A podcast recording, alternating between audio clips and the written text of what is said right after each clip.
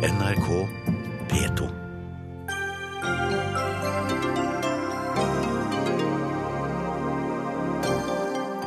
Regjeringens forslag om å heve aldersgrensen i arbeidslivet er en fordel for fleksitidseliten, men stenger de unge ute, mener ungdomspolitiker. Scootertrafikken kan bli fordoblet i løpet av få år, frykter Turistforeningen. Ingen grunn til å grave seg ned i bekymringer i utide, svarer Miljødepartementet. Og nordmenn som jobber frivillig for den israelske hæren, deltar indirekte i krig, mener Arbeiderpartipolitiker som ønsker et forbud.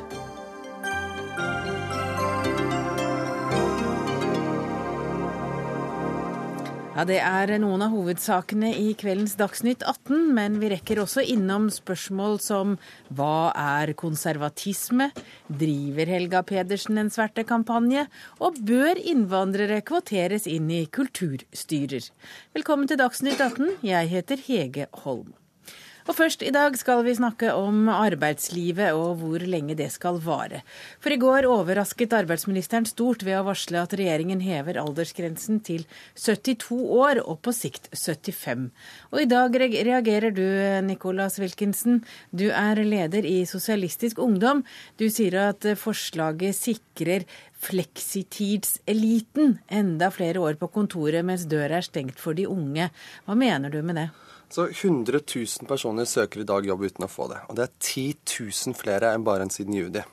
En venninne av meg hun var nå én av 840 søkere på én stilling på Kiwi. Så når 70 000 unge står uten arbeid og utdanning, og det stiger Så om fleksitidseliten som ikke har slitt seg ut før de er 70 år, skal stå enda lenger i jobb, så blir det færre jobber til unge. Vi må få unge i jobb, vi kan ikke prioritere fleksitidseliten framfor framtidas arbeidskraft. Hvem er egentlig denne fleksitidseliten din? Men Det er jo de som har muligheten til å sitte rolige kontordager, som har mulighet til å styre arbeidsdagen sin selv. I motsetning til f.eks. helsefagarbeidere, som vi vet at nesten aldri klarer å stå nesten inn i 60-åra fordi de sliter seg ut. Så vi snakker om en veldig liten elite som har de beste jobbene, og som nå ønsker å stå i dem enda lengre, sånn at det ikke blir rom for at unge skal komme seg inn. Kristian Dahlberg Hauge, du er statssekretær i Arbeids- og sosialdepartementet. Er dette en gjennomtenkt politikk å stenge døra for de unge? Ved å la de eldre i fleksitidseliten stå til de er 75? Nå er det ikke det man gjør. All erfaring viser at de landene som lykkes med å ha flere seniorer i arbeid, de har også flere unge i arbeidslivet. Det handler om å skape et inkluderende arbeidsliv. Så må vi huske på at dette handler ikke om å stenge noen ute. Dette handler om at vi i fremtiden vil trenge mer arbeidskraft vi ikke har. Så vi trenger både flere unge inn, men vi trenger også at kompetente eldre som vil, kan og ønsker å stå lenger i arbeidslivet, får muligheten til det. Og vi må huske det at Arbeidsmiljøloven er nesten 40 år. Dagens 70-åringer har også endret seg mye på 40 år. Det betyr at eh, tidene har endret seg, og det er mange flere som ønsker sjøl fordi de er i stand til det, å jobbe utover 70 år. Da er det urimelig å opprettholde en aldersgrense så datostempler mennesker ut av arbeidslivet bare fordi man passerer 70. Men hvordan kan du si at du, når du har flere eldre i arbeid, så får du også flere yngre i arbeid? Det viser forskning bl.a. fra OECD, at de landene som har flere seniorer, lykkes med å ha seniorer til å stå lenger i arbeid, de har også flere unge i arbeid. Det handler om at man har en gjennomgående politikk for et inkluderende arbeidsliv. Og et inkluderende arbeidsliv må også ha rom for at eldre som kan og vil jobbe lenger, får muligheten til det. Og det er det regjeringen gjør med vårt forslag om å øke grensen fra 70 til 72 for de som vil jobbe lenger. Da rister du på hodet, Wilkinson. Ja, det er lav arbeidsledighet som gjør at flere står i jobb. Og det har vi hatt i de nordiske landene. Men under denne regjeringen har vi altså bare på noen få måneder så har arbeidsledigheten steget med 10, eh, 10 000 mennesker. Og blant unge, og det her er viktig siden 2006, så er det nå 10 000 flere unge som står helt utenfor arbeidsliv og utdanning. Så flere unge faller ut. Og da må vi spørre hvem skal vi prioritere jobbene vi har til? Og da er vi veldig tydelige på at det må være framtidas arbeidskraft, og ikke tvinge folk til å stå langt inn i 70-åra. Men i Norge er problemet at vi kommer til å mangle arbeidskraft. Ikke at vi har for, for, eh, for, for, lite arbeidsplasser. Vi kommer til å mangle arbeidskraft nettopp fordi vi trenger dette. Både for å gjøre de oppgavene som skal gjøres, men også for å finansiere fremtidens velferdssamfunn. Så vi trenger at de som kan og vil jobbe litt lenger, får muligheten til det. Og da må vi gjøre noe med aldersgrensen på 70 år. Knut Årbakke, du er leder for Akademikerne, eller Refleksitidselitens fellesorganisasjon, hvis vi skal følge opp eh, Wilkinson her. Eh, dere jubler over eh, å få 72 år som aldersgrense. Hvorfor det? Ja, Vi syns dette er et veldig godt forslag. Det er først og fremst fordi at det er ganske mange mennesker som både kan og vil jobbe etter de er 70, og som kastes ut av arbeidslivet når de blir 70, fordi at veldig mange bedrifter og etater de opprettholder liksom 70-årsgrensen. De sier er du 70, så er du ferdig. Ehm, det er hovedgrunnen, selvfølgelig. Ehm, det er sånn at mange 70-årige i dag ønsker å jobbe og kan utmerket godt jobbe lenger. Ehm, og vi syns det er litt eiendommelig at et parti som SV ikke ønsker å bedre arbeidstakernes rettigheter i arbeidsmiljøloven. For det er det regjeringen faktisk gjør nå. De bedrer rettighetene til eldre arbeidstakere som ønsker å stå lenger i jobb. Og det går altså SV imot, eller SV imot. Det syns jeg er litt eiendommelig. Og så er det et, ja, Skal vi la eh, ungdommen fra SU svare for partiet sitt? Ja, For det første så er det jo sånn i dag at man kan stå lenger i jobb hvis man blir enige om det. Men spørsmålet er hvem skal vi gi rettighetene til? Vi foreslår nå en ungdomsgaranti som sier at alle unge skal ha rett på arbeid eller utdanning fram til de er 25 år. Det er jo der vi må sette inn støtet. Og problemet med dette forslaget er at, som er typisk for den blå-blå regjeringen, er at de gir mer til de som allerede har mest. De som har fått fast jobb, de som har god lønn, de som har fleksitid, de får mer. Og så er det stadig flere unge som faller ut. Dette er jo feil. Altså det, det, er faktisk sånn i dag at det er mye mer, et, et mye større problem at det kastes folk ut av arbeidslivet, enn det er at det er vanskelig for unge å få jobb. Eh, det er helt klart at vi skal ha fullt fokus på å øke den totale sysselsettingen. Den er ganske høy i Norge. Vi vet at hvis flere ungdom skal få jobb, så er, handler det om også å lage nye arbeidsplasser. Det handler om næringspolitikk og mange andre ting.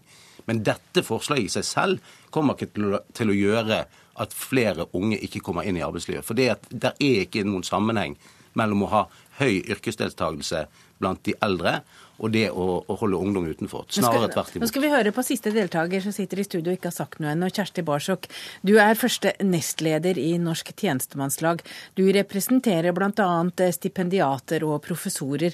Og hva er deres reaksjon på heving av aldersgrensen? Jeg vil tro at det er en del stipendiater som bare venter på å få fast jobb, men da må noen av de i fleksitidsgenerasjonen gi seg?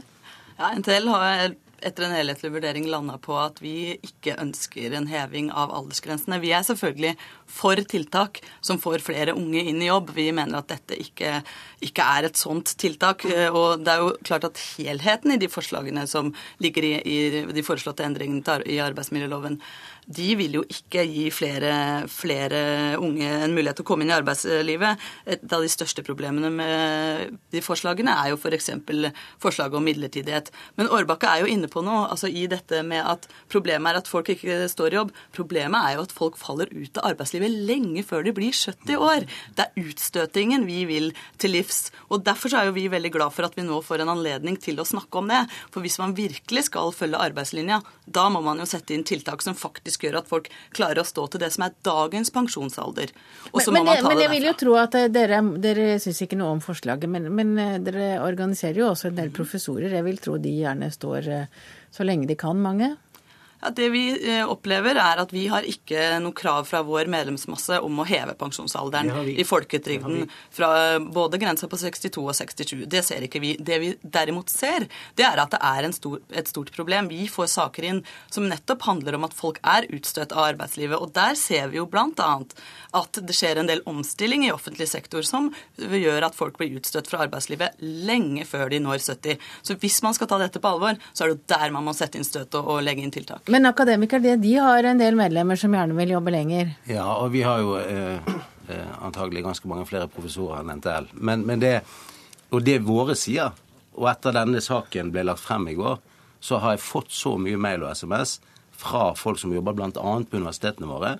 Folk som er 67, 68, 69 år, og har sagt, sier at nå har jeg gått og gruet meg til den dagen jeg blir 70, for da er det slutt. Dette er livet mitt, dette er faget mitt. Jeg elsker å undervise, jeg har masse å bidra med. Jeg har et stort nettverk internasjonalt. Vi trenger jo den arbeidskraften. Men de menings... kan jo i dag søke om å få stå lenger? De kan søke om det. Men altså praksis er rundt på norske institusjoner at når du blir 70, så er du ferdig. Å, det er mange steder praksis før det. Ja da. Men Det er jo nettopp det denne, dette forslaget handler om. Det handler altså ikke om pensjonsalder. Det handler om når skal en arbeidsgiver ha rett til å si at du er ferdig i arbeidslivet fordi du fyller en alder. Jeg er ganske sikker på at det er mange 70-åringer som føler at de fortsatt har veldig mye å gi i norsk arbeidsliv. Og Da er det feil at vi skal ha det sånn at stillingsvernet skal falle bort fordi man passerer en alder. Det er datostempling ut av arbeidslivet for en gruppe mennesker som fortsatt har mye å gi. Ja, for helt konkret nå, Det dere foreslår er at en står i full stilling, en har det samme stillingsvernet til man er 72. Riktig. Og så må man nå i dag, da eventuelt, eller når dette trer i kraft, så må du søke opp hvis du vil jobbe lenger. Ja, og så har vi sagt at Vår målsetning er å heve det ytterligere til 75 år. Men det har noen sider ved seg som vi inviterer partene i arbeidslivet inn i et utvalg for å utrede konsekvenser og tiltak for å lette. Da vil jo altså utfordre, hvis det virkelig er en målsetting at flere skal kunne stå lenger i jobb, hvorfor kommer man ikke da med konkrete tiltak for den store gruppen som er under 70, som er mellom 60 og 70, og som faller utenfor? Er der man burde sette inn tiltakene. Du skal ha noen som helst eh, grunn til å se på om de skal kunne stå lenger. Og det vi jo også mener, er at dette Ja, man har noe internasjonal forskning. I Norge finnes det veldig, veldig lite.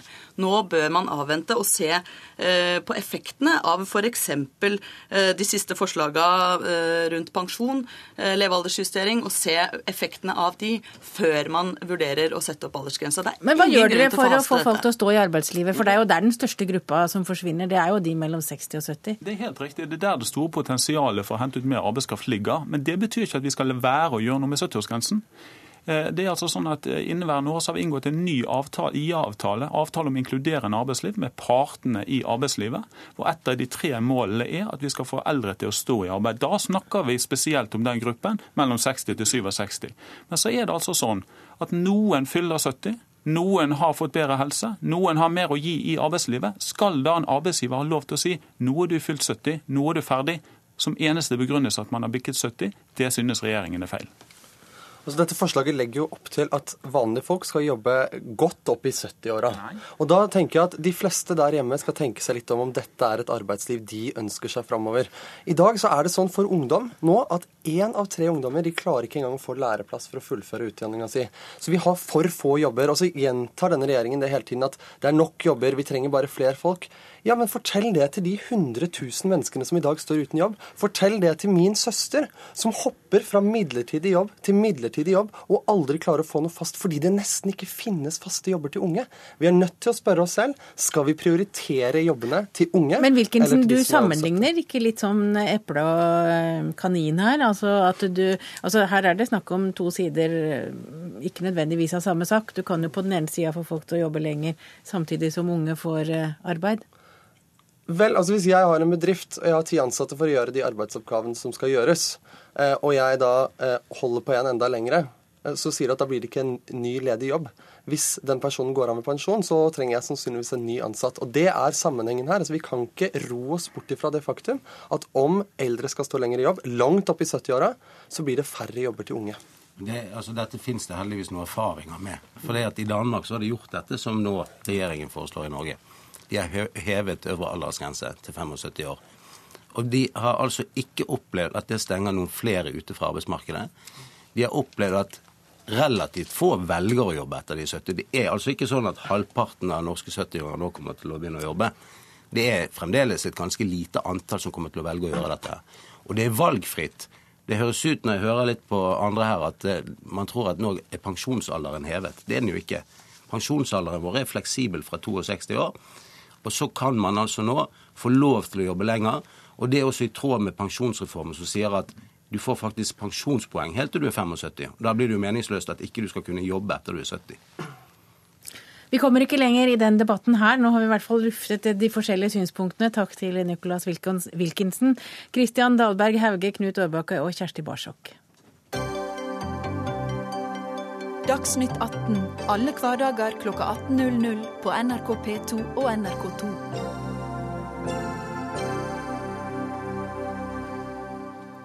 Nordmenn eh, som reiser til Israel for å delta i frivillig arbeid for hæren, har skapt debatt. Nylig ble det kjent at Grete Kvelland Skåra, som er KrF-politiker i Kristiansand, er blant de som har jobbet ved en israelsk militærbase.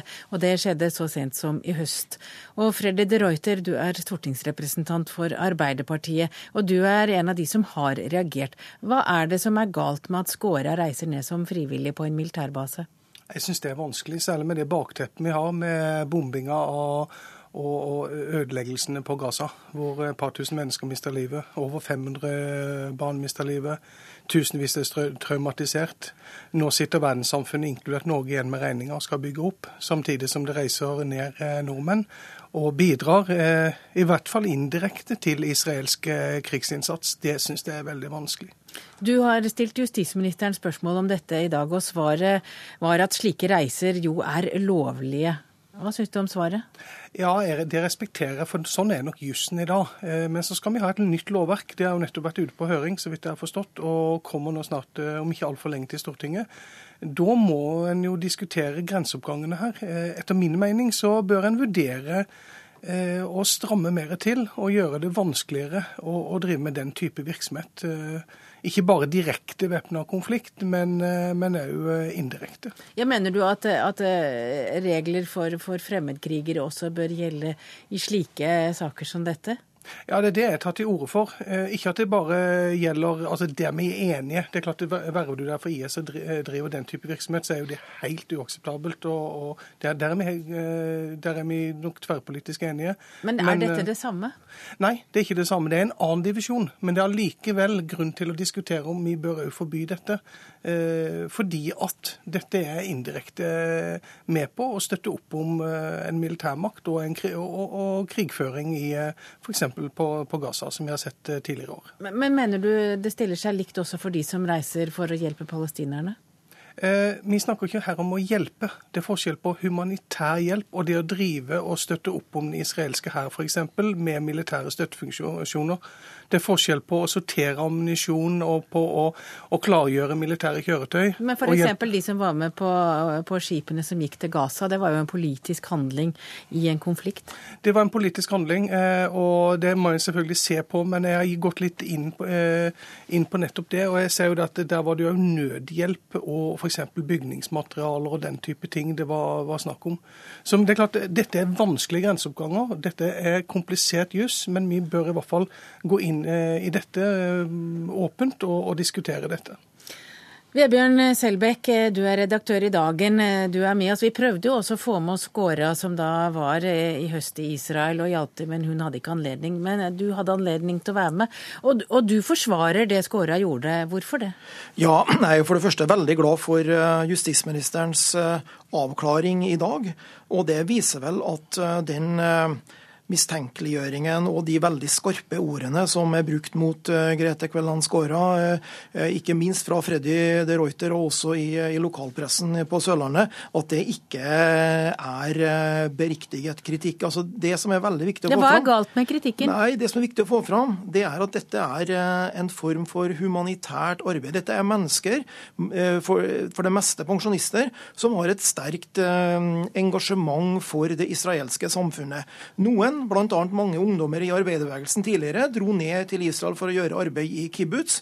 Andre da ønsker å støtte andre typer israelske samfunnsfunksjoner, som f.eks. det israelske forsvaret. Og så er det jo ikke riktig som de Reuter sier, at eh, man håndterer eh, ammunisjon. Man gjør ikke det. Håndterer ikke våpen, håndterer ikke ammunisjon. Dette er sivilt arbeid. Det er snakk om å pakke mat, det er snakk om å hjelpe til med logistikkfunksjoner. Så dette er et eh, sivilt hjelpearbeid som mennesker driver på med på sin fritid, og det bør de ha all mulig anledning til. Og det har heldigvis også da vår justisminister i dag sagt at det er helt greit.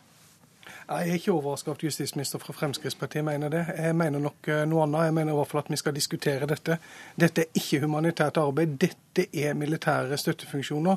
Det å jobbe frivillig for, en, for en hær, for en militærmakt, har ingenting med, med, med, humanitært eh, arbeid å gjøre. Og så vidt jeg vet, eh, nå skal jeg ta et lite forbehold, men så vidt jeg husker, så var det òg faktisk håndtering og sortering av ammunisjon. Men det, ta, det, det, det, er mulig at det, var feil referert i, i media. Men det var i hvert fall klargjøring av militære kjøretøyer.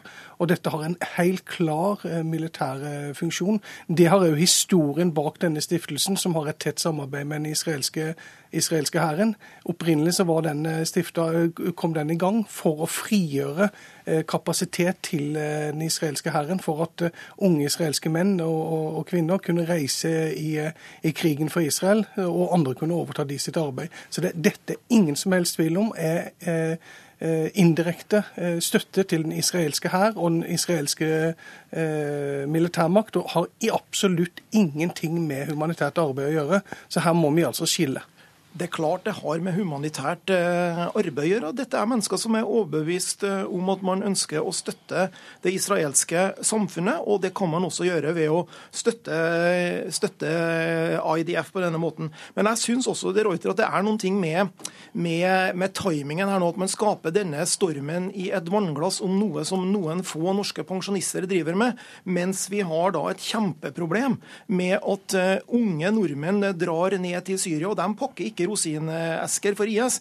De deltar i eh, massakre og i kamphandlinger og kommer hjem til Norge eh, både traumatisert og med kanskje også både vilje og evne til å utføre terrorhandlinger. Og Det bør man konsentrere seg om nå. Det bør det politiske Norge ta tak i, i stedet for å gå etter disse pensjonistene på Sørlandet. Nå er det jo veldig, Vi vet jo ikke så veldig mye om hva nordmenn som reiser eh, til IS og til Irak, og Syria gjør. Og, og hvordan kan du så klart skille på IS-krigere og det som noen har kalt for bedehussoldater, eh, Selbekk? Nei, men det er jo, det er jo åpenbart. Altså, dette er jo eh, de som drar ned til IS. Vi vet nok. Vi har hatt nok vitnesbyrd og sett, eh, hatt, hørt nok historier om hva som foregår i IS, og hva også norske ungdommer er med på. og Det, det, det vel noe av det jeg reagerer aller sterkest på i denne saken. At noen altså klarer å ha så mye fantasi at man i hele tatt eh, makter å sammenligne disse, disse, to tingene med mennesker oppe i, i 50-60-70-årsalderen som tar av sin fritid, reiser eh, ned der og, og, og, eh, og driver og pakker og ordner der nede, og sammenligne det med med eh, den mest, den mest bestialske terrororganisasjonen som vi kanskje har sett noen gang. Halshugger mennesker, fordriver folk og, og er en trussel mot stabiliteten i hele regionen. Det er altså ikke disse eh, pensjonistene fra, fra Sør-Vestlandet. Helt sikkert ikke. Det det er jeg helt enig med deg. IS er en helt annen divisjon. Og jeg syns det er ufint av deg å blande inn IS i denne diskusjonen. Der er vi helt enige. Det ja, nå var det jeg som gjorde ja, det. Det er det ingen som helst eh, tvil om. Det var Fedrelandsvennen som hadde en eh, dyptpløyende reportasje om, eh, om, disse pensjonistene, som, som, du så riktig betegner de som. Og det var da jeg, jeg reagerte. Jeg har vært veldig tydelig på at dette kan ikke sammenlignes. Det har vært helt soleklar på at IS er en helt annen, annen divisjon. Men det betyr jo ikke det at vi skal skyve uh, dette foran oss, at vi, skal, at vi, skal, bruke IS som en unnskyldning til ikke ta opp andre problemstillinger. Dette er en problemstilling, må ta, det må vi ta på alvor. At det reiser nordmenn ned. Mens vi bygger opp for milliarder av kroner Gaza, så reiser det nordmenn ned og, og river ned. Men IS er jo det akutte problemet, de Reuter. Det er ja, men der er vi helt, er vi helt enige. Nå er jo Politiet i Norge må jo nå gå med våpen ja, hver eneste dag ikke bland, Selbekk, ikke bland inn dette. Dette blir usaklig. Det er ikke bare jeg som, Det er ikke jeg som blander inn dette her. Det gjorde programlederen, og det gjør også Nei, mange andre i denne saken. Man setter likhetstegn mellom Nei. de som jobber for Sal El, og de som uh, verver seg for IS. og Det er en horribel sammenligning. Ja, det er jeg helt enig med deg, og det har ikke jeg gjort. Men da er dere helt enige, så da sier vi takk til dere, Freddy de Reuter, stortingsrepresentant representant for Arbeiderpartiet, og Vebjørn Selbekk, redaktør i Dagen.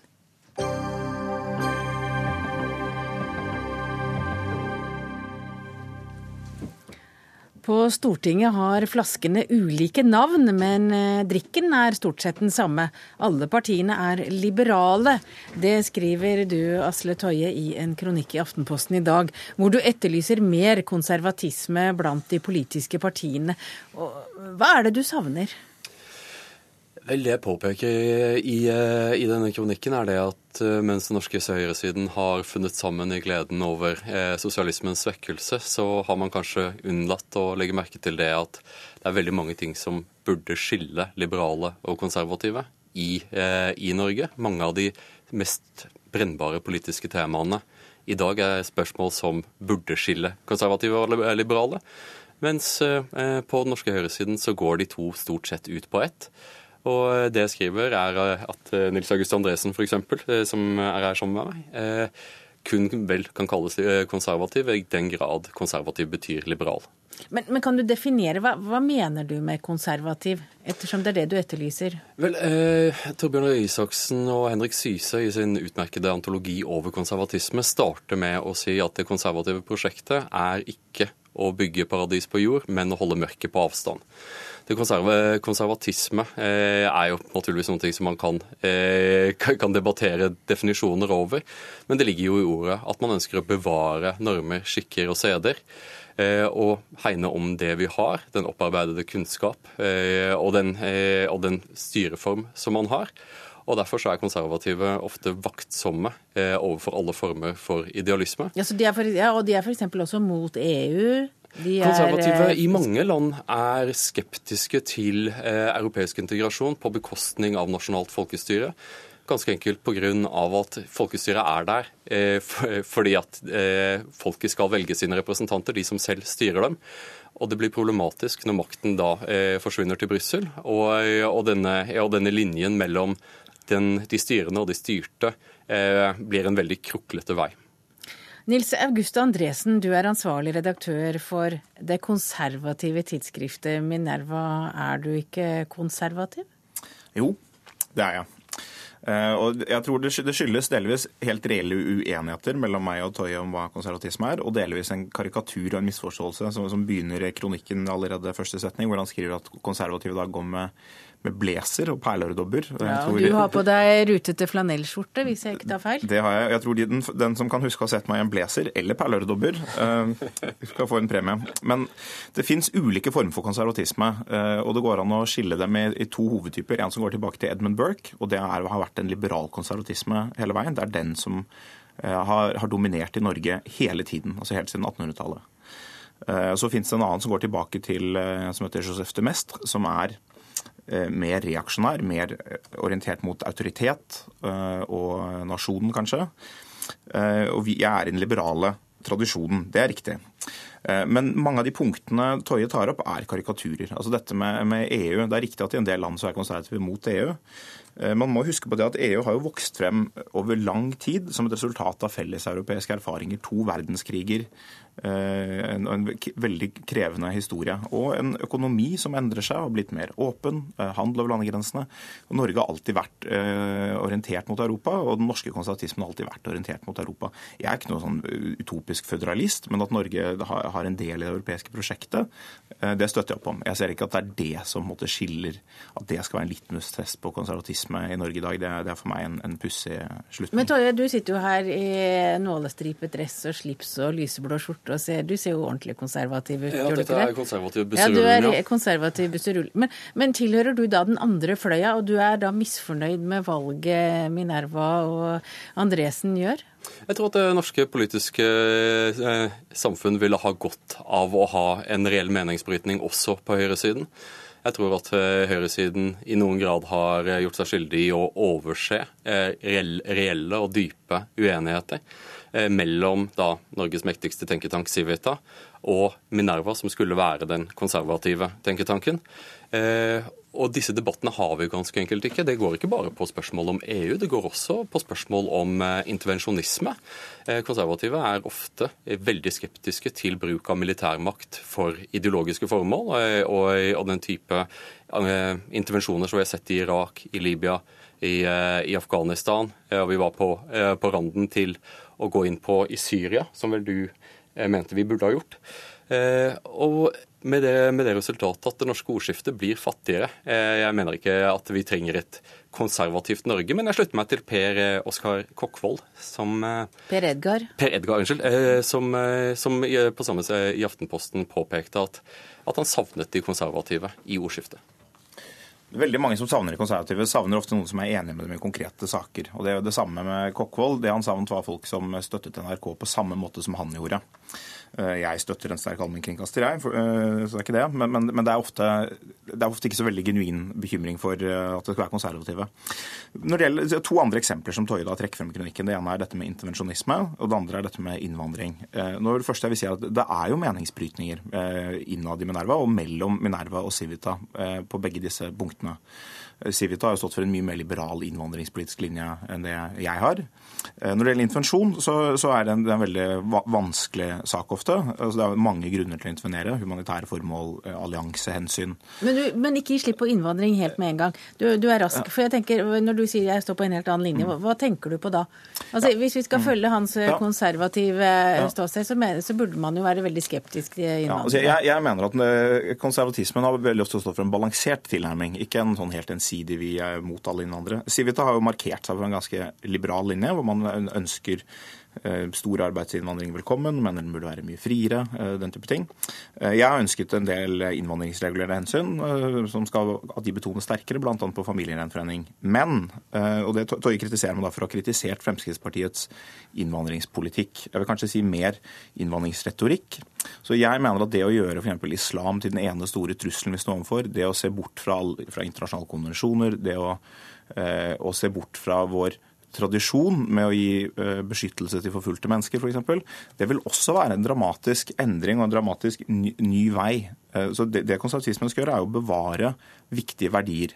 Så endrer ofte verden eh, rundt. Den endrer seg. og Så må vi tilpasse oss. og Da må vi balansere ulike hensyn. og Det er det å balansere disse hensynene som er essensen i den konservative holdningen. Det å, å tro at vi kan bevare verden akkurat som den har vært, det er nesten aldri mulig uten å gi slipp på veldig viktige verdier. Er det høyrepopulisme, dette? Ja, det er, nettopp det jeg påpeker. At uh, naturligvis hele denne debatten her ville vært av ren akademisk interesse, hadde det ikke vært for at vi ser en sterk oppblomstring av folkelig konservatisme rundt omkring i Europa. I seg utslag i UKIP, Fronten National, eh, Alternativ for Deutschland eh, med mer. Eh, og hvordan de da gamle, etablerte konservative partiene har reagert på dette, er stort sett med forferdelse istedenfor med jubel. Man vil jo tro at oppslutning omkring konservative verdier ville, være en stor glede. Men, men snarere tvert imot. Og det er vel noen ting som har karakterisert nettopp Andresens holdning til Frp har vært en, en, en ekstremt stor skepsis. Eh, med dette så bare påpeker jeg at eh, Minerva var ment å være den konservative eh, tenketanken, men den synes ofte å innta holdninger som er stort sett man assosierer med liberalisme. Ja, Du gikk vel egentlig så langt i kronikken din til å foreslå at de overlot kontorene sine til Agenda? Ja, det... Den sosialdemokratiske tenketanken? Det er jo den store, den, den store, trenden her, er at vi ser en gradvis omkalfatring av det politiske landskapet i Europa. Og det synes å ligne mer på det amerikanske landskapet, der liberalistene utgjør venstresiden, sammen med sosialistene på en, på en fløy, eh, mens de konservative utgjør høyresiden. Eh, og i så måte så eh, påpekte, tok, jeg, tok jeg meg friheten å påpeke at det kanskje ikke er naturlig at Civita og Minerva er samlokaliserte slik de er. Jeg har stor glede og stor tro på brytningen av ideer. Altså at vi er enige med Civita i noen ting og enige i andre ting, det lever jeg veldig godt med. Men det du tar opp her, så den amerikanske høyresiden og disse høyrepopulistiske partiene som du ser som den nye, sunne konservatismen. Altså Dette er jo, eh, slik jeg ser det, ikke gode representanter for den konservative tradisjonen. Altså Du trekker frem områder der du er enig med noen av disse tingene, men mange av disse samme kreftene står f.eks. for motstand mot homofile rettigheter, eh, homofiles rettigheter, motstand mot kvinners rettigheter, eh, på en måte som jeg tror, ikke tror du vil gjøre, og som du aldri vil bruke som eksempler. Men det er del av den samme reaksjonen som ikke er eh, en sunn konservativ tradisjon. Det er en reaksjon. Eh, den er mer reaksjonær. Den er ofte ekstremt sjåvinistisk, nasjonalistisk orientert, på en måte som ikke finner noen gjenklang i den tradisjonen fra Burke som jeg snakket om. Altså Burke var ingen eh, frådende nasjonalist på en måte. Han var ikke noen religiøs fundamentalist. Han, han, var pluralist i sin samtid. Gift med en katolikk lenge før katolikker hadde fulle rettigheter. Forsvarte homofiles vilkår i parlamentet i England i 1781. Altså dette er eh, De kreftene du trekker frem, er ikke de konservative kreftene jeg ønsker å støtte. Jeg har et respektfullt forhold til Fremskrittspartiet og diskuterer sak med dem. og, Vi er enige i noen ting og uenige i andre ting. Og, og, men at konservative i Norge eller Europa skal skal på en måte ta, gledes over Front National eller Jobbik, altså det, det får du ikke meg med på. Men dere er konservative begge to, og dere kan fortsette seminaret utenfor. Takk for at dere kom, Asle Toje og Nils August Andresen.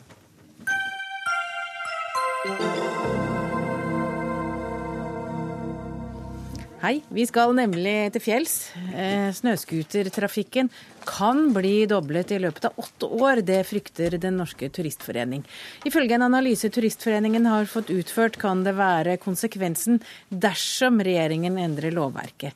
I det nye lovforslaget åpner regjeringen for at fornøyelseskjøring med snøscooter at det kan skje, men eh, i dag er det bare nærings- og nyttekjøring som er lov. Og nå minner Turistforeningen regjeringen om fjellvettregelen. Det er ingen skam å snu. Og Berit Kjøll, du er styreleder i Den norske turistforening. Hvorfor vil dere at miljøminister Sundtoft skal snu i tide? Jo, vi syns jo dette er dramatisk det som er i ferd med å skje nå, i forhold til friluftslivsopplevelsen som vi har i Norge, og den eh, utrolig unike natur, naturen vi er omgitt med i dette landet. Så opplever jo vi nå at når man skal innføre lov med fornøyelseskjøring Eh, med snøscooter i Norge, det syns vi er å gå veldig, veldig langt. Og ja, Hva er det skrekkscenarioet ditt er, Kjøll? Ja, skrekkscenarioet mitt er at vi, titter, vi kan titte til vårt naboland Sverige, hvor vi ser at de har nettopp praktisert det man er i ferd med å gjøre her i Norge. Eh, at man kan få lov til å kjøre med fornøyelseskjøring på snøscooter.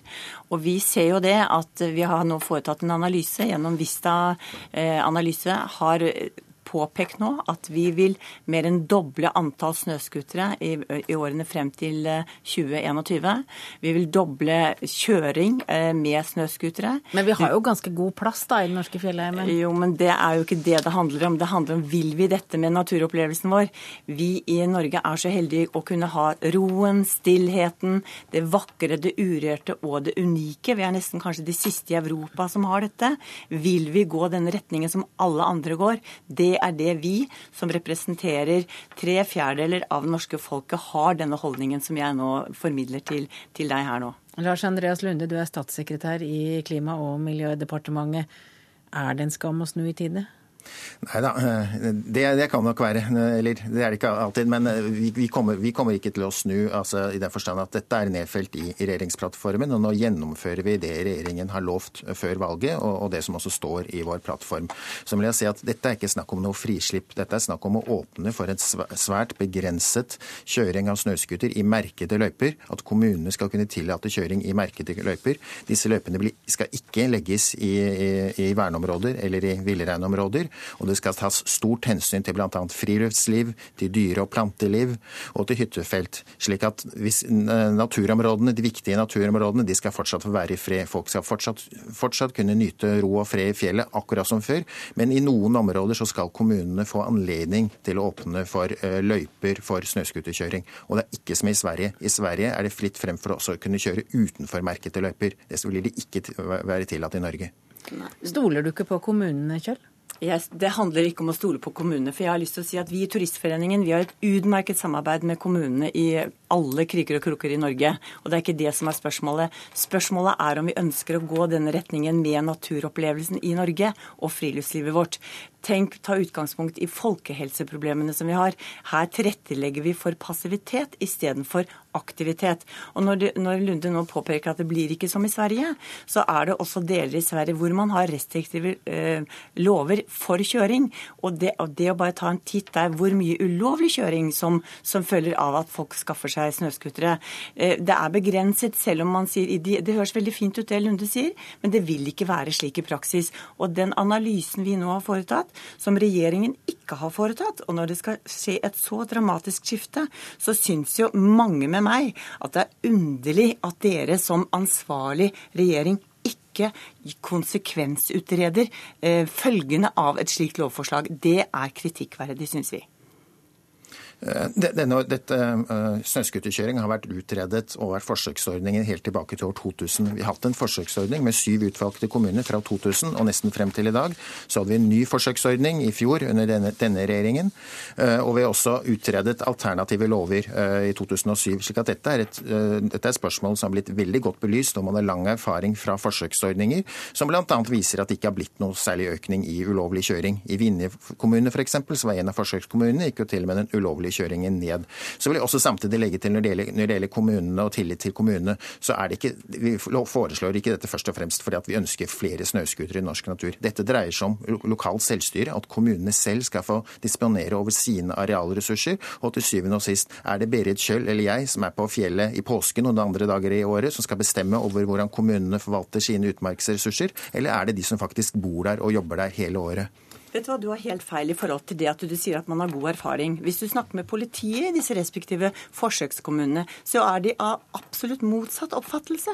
Og hvis vi går tilbake til 1977, hvor den første lov om motorferdsel kom, så hadde man en periode på ni år frem til 1986 hvor det var rimelig fritt frem for Kommune-Norge eh, å, å, drive med, med snøscooterkjøring. Så sa man dette kan vi ikke se på, så man strammet vesentlig inn lovverket. Og nå er vi altså etter 1986 frem til i dag, så er vi i ferd med å gjøre, gå i den samme fella igjen.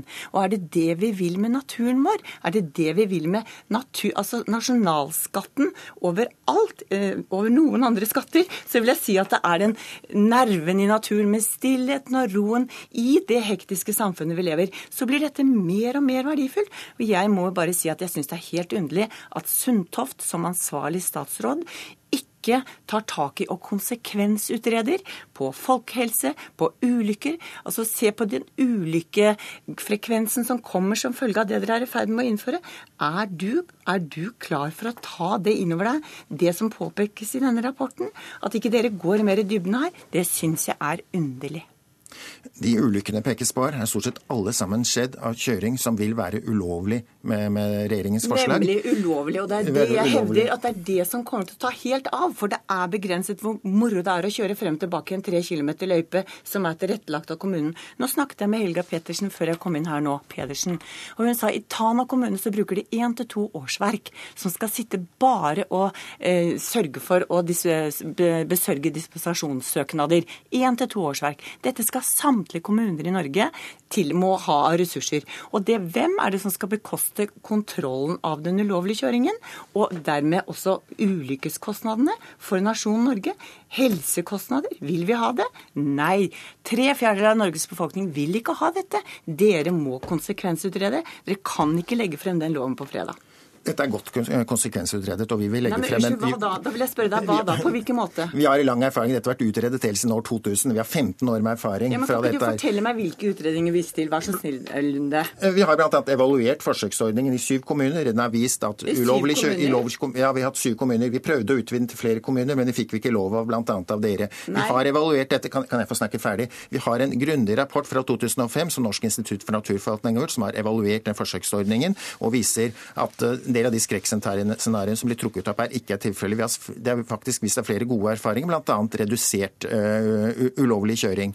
Og Når det gjelder kommunenes ressursbruk, så er det slik at ingen kommune vil bli pålagt å tillate snøscooterkjøring. Det er helt opp til kommunene selv om de ønsker å åpne for det, men de får nå muligheten. Og da må de også selv selvfølgelig disponere sine ressurser og sette av tilstrekkelige ressurser, slik at dette håndteres på en forsvarlig måte. For friluftsområdene, de uberørte naturområdene, der hvor vi går på fjellet og nyter naturens frihet, de skal bestå også med denne loven. Nei, men Det kommer ikke til å skje. og det er det jeg prøver å fortelle. Jo da, det kommer til å forstå. Og så har jeg lyst til å si det at du sa det at vi stanset en forsøksordning. Dere var i ferd med å tillate 108 kommuner å bare slippe løs uten å engang ha et lovverk i bunn. Og så sa vi det kan dere ikke gjøre, for det var ulovlig, sa påpekte Sivilombudsmannen. For da var det så viktig for dere å undersøke konsekvensutrede. Og nå er det plutselig ikke viktig lenger. Da har vi fått, enda, da har vi fått et enda bedre erfaringsgrunnlag, som vil gjøre et enda bedre grunnlag for denne loven. Vi skulle ønske oss enda bedre grunnlag, men vi har tilstrekkelig grunnlag til at vi fullt forsvarlig kan gjennomføre denne loven. Det er ingen skam å snu. Og, og takk for at dere kom til Dagsnytt 18 i kveld, Berit Kjøl og Lars Andreas Lunde. Hør Dagsnytt 18 når du vil. Radio NRK Radio.nrk.no.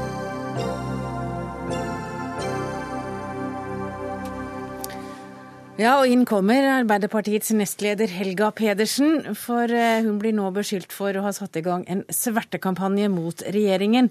Det sa kommunalminister Jan Tore Sanner til Nasjonen tidligere denne uken.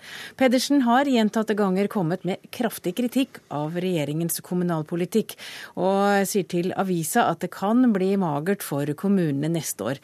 Og kommunal- og moderniseringsminister Jan Tore Sanner, du er her, og nå må du forklare oss hva er det du mener med Pedersens svartekampanje. svertekampanje?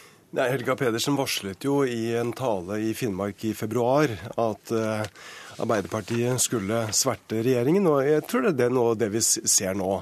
Det er helt naturlig at et parti som er i opposisjon, bruker store ord. Men store ord bør også ha et innhold. Og når det gjelder kommuneøkonomien til neste år, så er det et historisk godt opplegg. Faktisk så øker kommunens inntekter med 7,8 milliarder kroner. Eh, da vi i våres la frem kommuneproposisjonen, så varslet vi at det ville ligge rundt fem. Nå, og Det mente kommunene var et rimelig nivå. når vi økte til 7,8 milliarder kroner. Og Det betyr at kommunene nå får dekket sine utgifter til pensjon. Men, men, men, Vi skal komme tilbake til det, men kan du forklare hva er forskjellen på et politisk angrep og en svertekampanje? Nei, jeg, jeg, brukte det fordi at Helga Pedersen selv varslet at, eh, at det var på tide at, eh, at Arbeiderpartiet nå begynte å sverte regjeringen.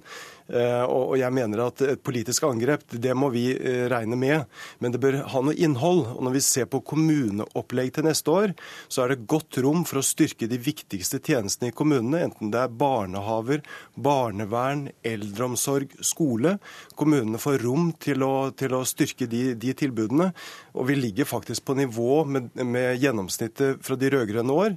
Eh, og når de selv skrøt hemningsløst av kommuneopplegget i de årene, så så, virker det veldig hult når, når, det da kommer den type angrep fra Arbeiderpartiet. Ja, Nestleder i Arbeiderpartiet Helga Pedersen, eh, hvordan reagerer du på at du ifølge Sanner nå driver en svartekampanje? Som du da har varslet? Jeg tenker at han har eh, en utrolig dårlig sak eh, når han eh, tyr til den type billig retorikk. Jeg har ganske enkelt sagt pekt på at 2015 kommer til å bli et magert år for kommunene. Og det skyldes at regjeringa sin viktigste prioritering i statsbudsjettet for neste år, det er flere milliarder i skattekutt til dem som har mest fra før. Opplegget for kommunene er ikke særlig godt. Og på toppen av det så kommer en skattesvikt for inneværende år, som betyr at kommunene får nærmere nærmere 3 milliarder kroner mindre enn det de har budsjettert med. Eh, det ser vi. Det er bare å åpne en hvilken som helst lokalavis rundt om i landet, så ser du at de allerede har eh, begynt å gi seg resultat i form av kutt i det kommunale tjenestetilbudet. Og Dette er et stort minus som kommunene kommer til å trekke med seg til neste år. Men nå er jo ikke budsjettet avklart ennå. Det er jo bare lagt fram forslag til budsjett for neste år. Altså I Stortinget så foreligger jo en budsjettavtale der det synes som at eh, kommunesektoren faktisk er glemt. Og så er det riktig at eh, mange kommuner enda ikke har vedtatt sine eh, budsjett. Men når vi ser på hva som meldes nå i media, så ser vi at Oslo kommune må kutte størrelsesorden 327 millioner kroner. I Bergen så innfører Høyre og Fremskrittspartiet eh, eiendomsskatt, som de feira med brask og bram at de fjerna for et par år siden. I Stavanger så øker man eiendomsskatten for å eh, unngå flere kutt i eh, skole. I dag så kommenterte jeg Høyre-ordføreren i Porsanger, som pekte på at han må legge ned barnehager, diskutere på nytt kutt i skole, og han viste til dårlig kommuneøkonomi. La, la meg ta skattesvikten først. Eh, for det er nemlig slik at i de aller fleste år eh, så har eh, skatteveksten vært høyere enn beregnet. Da har kommunene fått beholde ekstra skattekroner. Og da har det vært helt vanlig at de ganske få årene hvor kommunene har fått lavere skattevekst, så har de måttet dekke det selv. I 2004 så er det riktig at da tok den borgerlige regjeringen og dekket skattesvikten, og da fikk vi knallhard kritikk fra Arbeiderpartiet. Hill Marta Solberg gikk til knallhardt hardt angrep på Per Christian Foss eh, og sa at hvis det er slik at man skal ettergi skattesvikten i ett år, da betyr det jo at da må man ta pengene tilbake igjen hvis kommunene får skattevekst i årene etter. Eh, og så er det heller ikke riktig som du sier at, eh, at kommunene taper 3 milliarder i 2014. Skal vi, ta, skal vi gjøre oss ferdig med skatt først? Det er det jeg snakker om nå. fordi at Når Helga Pedersen hevder at kommunene taper 3 milliarder i år, så er det feil. Frem til mai måned så er det riktig at da gikk skatte, skatte skattene 1,2 milliarder lavere. Men på den annen side så ble det et mer moderat lønnsoppgjør. Eh, og også de såkalte demografikostnadene ble lavere. Så da kom kommunene eh, likt ut som det vi hadde lagt opp til. Og så har det vært 900 millioner etter den gang. Det må kommunene dekke selv. Veldig mange tall. Men, men ja, er- veldig mange hvis, vi, Helga Pedersen, ja. hvis vi skal ta dette med å inndekke manglende utgifter eh, eller manglende inntekter Ja, altså, på i, skatt I løpet av de ti siste årene så har det vært eh, skattesvikt to ganger, så vidt jeg har oversikt over. Det var i 2004, da Bondevik II-regjeringa og Fremskrittspartiet i budsjettforliket ble enige om å kompensere skattesvikten i kommunen. Det ble faktisk fremstilt som det viktigste kravet fra Fremskrittspartiet den gangen da de satt i opposisjon. I 2009 så var det på nytt skattesvikt som følge av finanskrisa. Da var den rød-grønne regjeringa som eh, satt i posisjon, kompenserte skattesvikten. Jeg kan ikke huske at Høyre og Fremskrittspartiet protesterte på det eh, den gangen. Og jeg syns det er veldig rart å argumentere med, med at så lenge kommunene fikk, eh, har fått beholde merinntektene i de gode årene, så skal de ta inn smell når de vanskelige årene kommer. Det er veldig mye vanskeligere å ta inn en skattesvikt på 1, 2 eller 3 milliarder enn å disponere eh, merinntekter som man ikke hadde forutsett. Det har Arbeiderpartiet alltid ment, og jeg sitter her med sitater fra Hill-Marta Solberg, som gikk til angrep på Per-Kristian Foss da man dekket inn skattesvikten i 2004.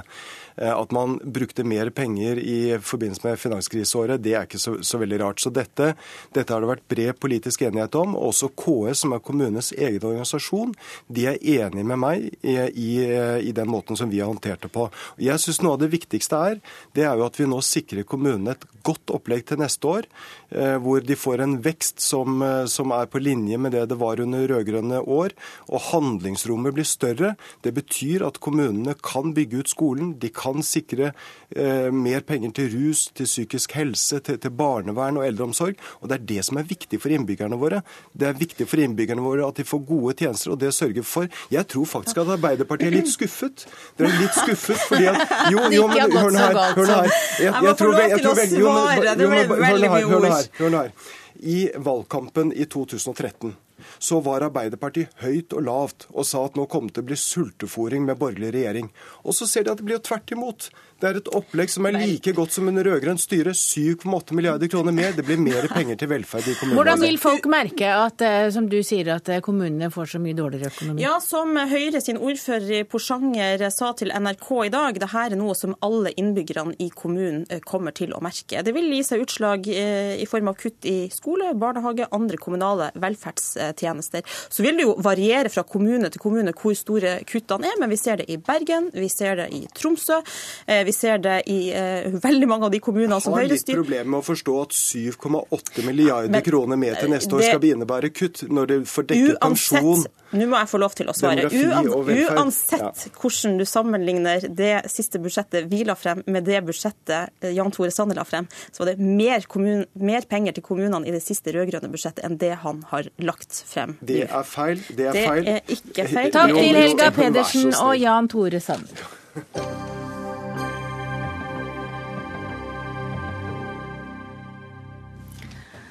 Folk med flerkulturell bakgrunn er fraværende i styre og stell i norsk kulturliv. Det kommer fram i en rapport som ble presentert i går, og som markerte slutten på et statsstøttet prosjekt som skulle få flere personer med innvandrerbakgrunn og styrekompetanse inn i nettopp slike stillinger.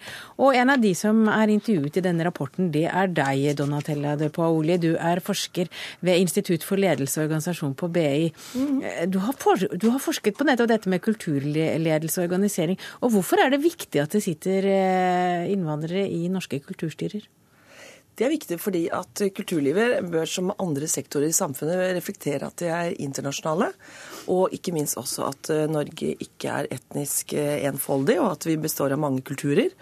Så det er viktig i forhold til å påvirke hele organisasjonen, egentlig, til å tenke publikumsrettet mangfoldsarbeid. Men også men en annen ting er jo faktisk at eh, det å få til eh, mangfold i styrer og i ledelse fører jo til mer dynamikk, eh, mer kreativitet. Altså man tenker nyskapning på en annen måte. og bedrer beslutningskvaliteten. Ja, du mener, nettopp, du mener jo, du går så langt og mener at det er et demokratisk problem at du ikke har eh, Jeg mener det når det, kulturlivet er først og fremst eh, finansiert fra det offentlige, og det er skattepenger fra alle folk, også fra innvandrere, så er det jo faktisk viktig at de blir representert. Kulturlivet skal reflektere det samfunnet vi lever i.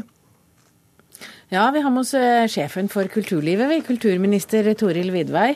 Hvor stort mener du at problemet er at det er så stort fravær av eh, flerkulturelle i styre og stell i norsk kulturliv? Vi har en stor jobb å gjøre, både når det gjelder om å få både kvinner og menn folk fra distriktet. Bidra til at vi får et større mangfold. Eh, personer som du refererer til, med etnisk bakgrunn, kulturell bakgrunn. At vi er forskjellige. Inn i styrer og råd. Det er utrolig viktig. Regjeringen er veldig opptatt av maktspredning. For det er også med på å gi mye mer mangfold. Dette er noe av det som jeg har reist, prøvd å reise en debatt om. Eh, maktspredning er faktisk også veldig viktig. Maktspredning? Maktspredning. Det gir maktspredning. Det at du faktisk får til et større mangfold i styrene. Men da, men da, er dere jo helt enige om problemet. Men så er det, hvor ligger løsningen? Du har jo et forslag. eh. Ja, og det er interessant, fordi at jeg selv har jo kommet dit jeg er uh, uten kvotering. Og jeg har alltid vært motstander av kvotering. For du er italiensk? Ja, og så er jeg, ja, så er jeg minoritet på BI. Bare 20% kvinner i staben, og så er jeg minoritet i forhold til at det ikke er så mange innvandrere som har bakgrunn som jeg har. Og jeg har alltid vært motstander av å liksom skulle komme inn Eh, på noe annet enn kompetanse. Men jeg ser jo, eh, fordi jeg kjenner kulturlivet veldig godt, og for så vidt som næringslivet, så er det et lukket system som er jo veldig eh, for de innvidde. Og det går jo da gjennom generasjoner eller miljøer hvor folk måte plukker ut de, ut fra det nettverket som de kjenner. Mm. Jeg mener at vi, kulturlivet har åpenbart mye å lære av næringslivet. Jeg kommer selv fra næringslivet, og det har skjedd en fantastisk utvikling i næringslivet i løpet av noen år.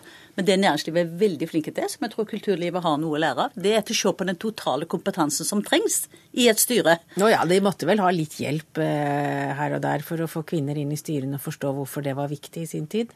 Kvoteringen har åpenbart gjort at det kom flere kvinner i, men jeg er helt overbevist sikker på at det finnes mange dyktige kvinner, og også med eh, ulik etnisk bakgrunn, eh, som er veldig kvalifisert til å gå inn i styrene. Men bør man ha kvotering også på, på, innvandrere, eller folk med en annen bakgrunn? Jeg mener at vi ikke skal ha kvotering. Og grunnen til det, det er at jeg mener det som er viktig, det er jeg som eier overfor ulike kulturelle institusjoner, eller de valgkomiteene som oppnevnes. De må ta hensyn til den totale kompetansen som trengs i et styre. Det være seg om du er Selvfølgelig må det være noen som har kulturbakgrunn. Vi har jo veldig mange både artister, eh, folk som er kultur, viktige kulturbærere, som har en etnisk, eh, kulturell bakgrunn. Det er kjempeviktig å få de inn i kulturstyret. Det har jeg et ansvar for. Som faktisk den som sitter som eier og er med på å påvirke til å åpne opp for nye medlemmer inn i styrene. Og det kommer til å bli gjort. Mm. Ja, og da kan vi si det slik at det var de samme argumentene som ble brukt eh, for å få inn kvinner i styrene. Skulle, altså Næringslivet sa jo at vi ønsker jo å få de med rett kompetanse. Eh, og etter hvert som kvinnene ble mer og mer kvalifisert i næringslivet, så så vi jo at det skjedde jo ingenting. Verken med andelen i styret eller i ledelsen. Og, det er jo interessant at Norge gikk jo i bresjen, at første land i verden med å kvotere inn kvinner i styret. 40% til og med ganske radikalt. Det ble latterliggjort i næringslivet. Jeg husker fremdeles i gangene på BI hvordan man hånlig liksom snakket om dette her. Eh, hvor pinlig det var. Og, og, så er jo resultatene nå at uh, jeg snakker jo med folk i næringslivet som sier at jeg har faktisk bidratt til å vitalisere styrerommet. Til å bidra til å få en annen dynamikk. Selv om alle kvinnene ikke nødvendigvis på en måte kanskje er det idealet som alle tenkte, så gjør det noe med dynamikken som gjør at man får bedre beslutninger. Men du vil jo få mange av de samme diskusjonene hvis du går inn for kvotering av andre grupper? Altså Du vil få masse støy og bråk hvis du skulle bestemme deg for å kvotere inn innvandrere f.eks.?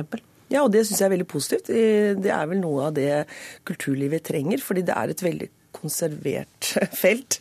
I, nå snakker jeg om ledelse og organisering. Der er de konservative og tradisjonsrike. Når det gjelder uttrykket, så er de jo for så vidt kreative.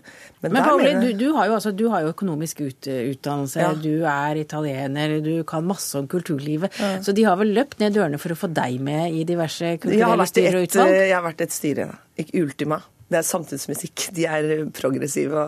Og der var jeg. Og jeg, det som var morsomt, da, at jeg følte at i tillegg til min organisasjonskompetanse, så fikk jeg veldig bruk for min italienske kulturkompetanse. For de ansatte en, en kulturfestivalsjef som var fra Italia. Og det var bra å ha litt ja, forståelse. Men det viser jo da, Vidvei, at selv om eh, du snakker pent og tror at eh, man forstår sitt eget beste, så, er det vel fortsatt sånn at man velger folk man kjenner fra den samme kulturbakgrunnen som, som en vet en samarbeider godt med? Det kan jeg som kulturminister og som eier av ulike typer institusjoner, f.eks. NRK-styret. Mm. Er helt bevisst. Vi setter oss ned og hadde en god, grundig diskusjon, også basert på de erfaringene som NRK brakte inn. Hvilken type eh, kompetanse er det man trenger for framtida? Da må man sette sammen et bredt styre som representerer både tar hensyn til at det skal være kvinner der, selvfølgelig, men også med en annen type etnisk eh, eh, kulturell bakgrunn enn det eh, andre har i det styret. Det har man klart å få til. Så poenget mitt det er at det er jeg som eier, eller som valgkomité, det er jo det også næringslivsledere faktisk gjør. De som eier bedriftene, kan sette seg ned og en, se på hva er det egentlig dette styret trenger av ulik type kompetanse. Og så må man sette sammen det styret. Og jeg er helt sikker på at det finnes mange, både kvinner og menn, med den bakgrunnen som du har, som er Som ennå ikke er oppdaget. Men nå sitter Vidvei der som et uh, kulturstyrepoliti. Takk til dere for at dere kom til Dagsnytt 18, Donatella De Paoli og kulturminister Toril Vidvei. Vår sending og vår tid er over. De ansvarlige i dag var Ida Tune Øritsland.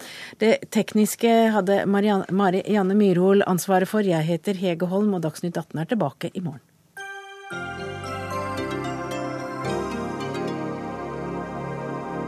Hør flere podkaster på nrk.no podkast.